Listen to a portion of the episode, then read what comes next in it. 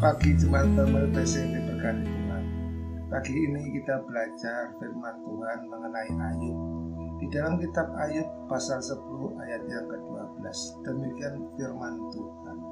Hidup dan kasih setia kau karuniakan kepadaku dan pemeliharaanmu menjaga nyawaku. Kita semua tahu bagaimana kehidupan Ayub orang yang saleh diizinkan Tuhan untuk mengalami pencobaan dalam kehidupannya. Tapi kita dapatkan bahwa Ayub tidak mengatakan yang jelek terhadap Tuhan. Ya, Ayub tidak pernah menyalahkan Tuhan dalam hal ini. Ini yang harus kita pelajari pagi ini.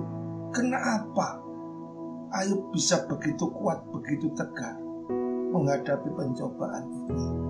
Semua yang diizinkan Tuhan yang terjadi dalam kehidupannya bagi dagingnya adalah penyiksaan. Tapi dia bisa mengalahkan di ayat yang 12 yang kita baca tadi. Hidup dan kasih setia kau karuniakan kepadaku.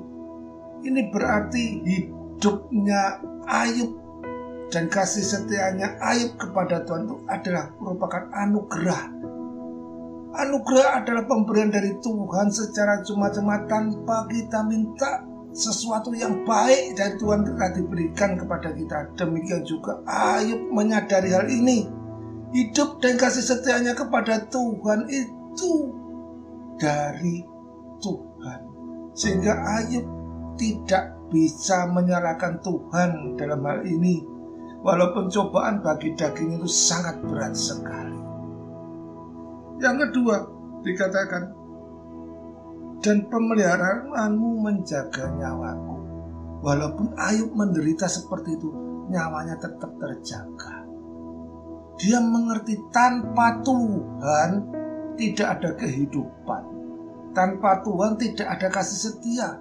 Tanpa Tuhan nyawanya pun akan melayang.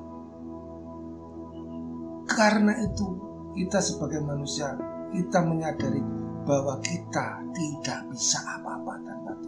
Oleh sebab itu, di dalam penderitaan yang kita alami saat ini, janganlah kita mengeluh, janganlah kita menyalahkan Tuhan, karena itu sudah anugerah bagi Tuhan bagi kita. Tanpa anugerah Tuhan, kita tidak ada artinya apa-apa.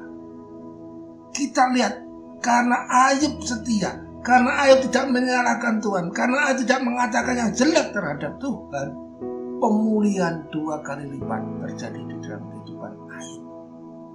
Kalau kita mau menginginkan seperti yang terjadi dalam Ayub, pemulihan-pemulihan akan terjadi dalam kehidupan kita, baik itu masalah ekonomi, masalah keluarga, masalah kesehatan akan Tuhan pulihkan.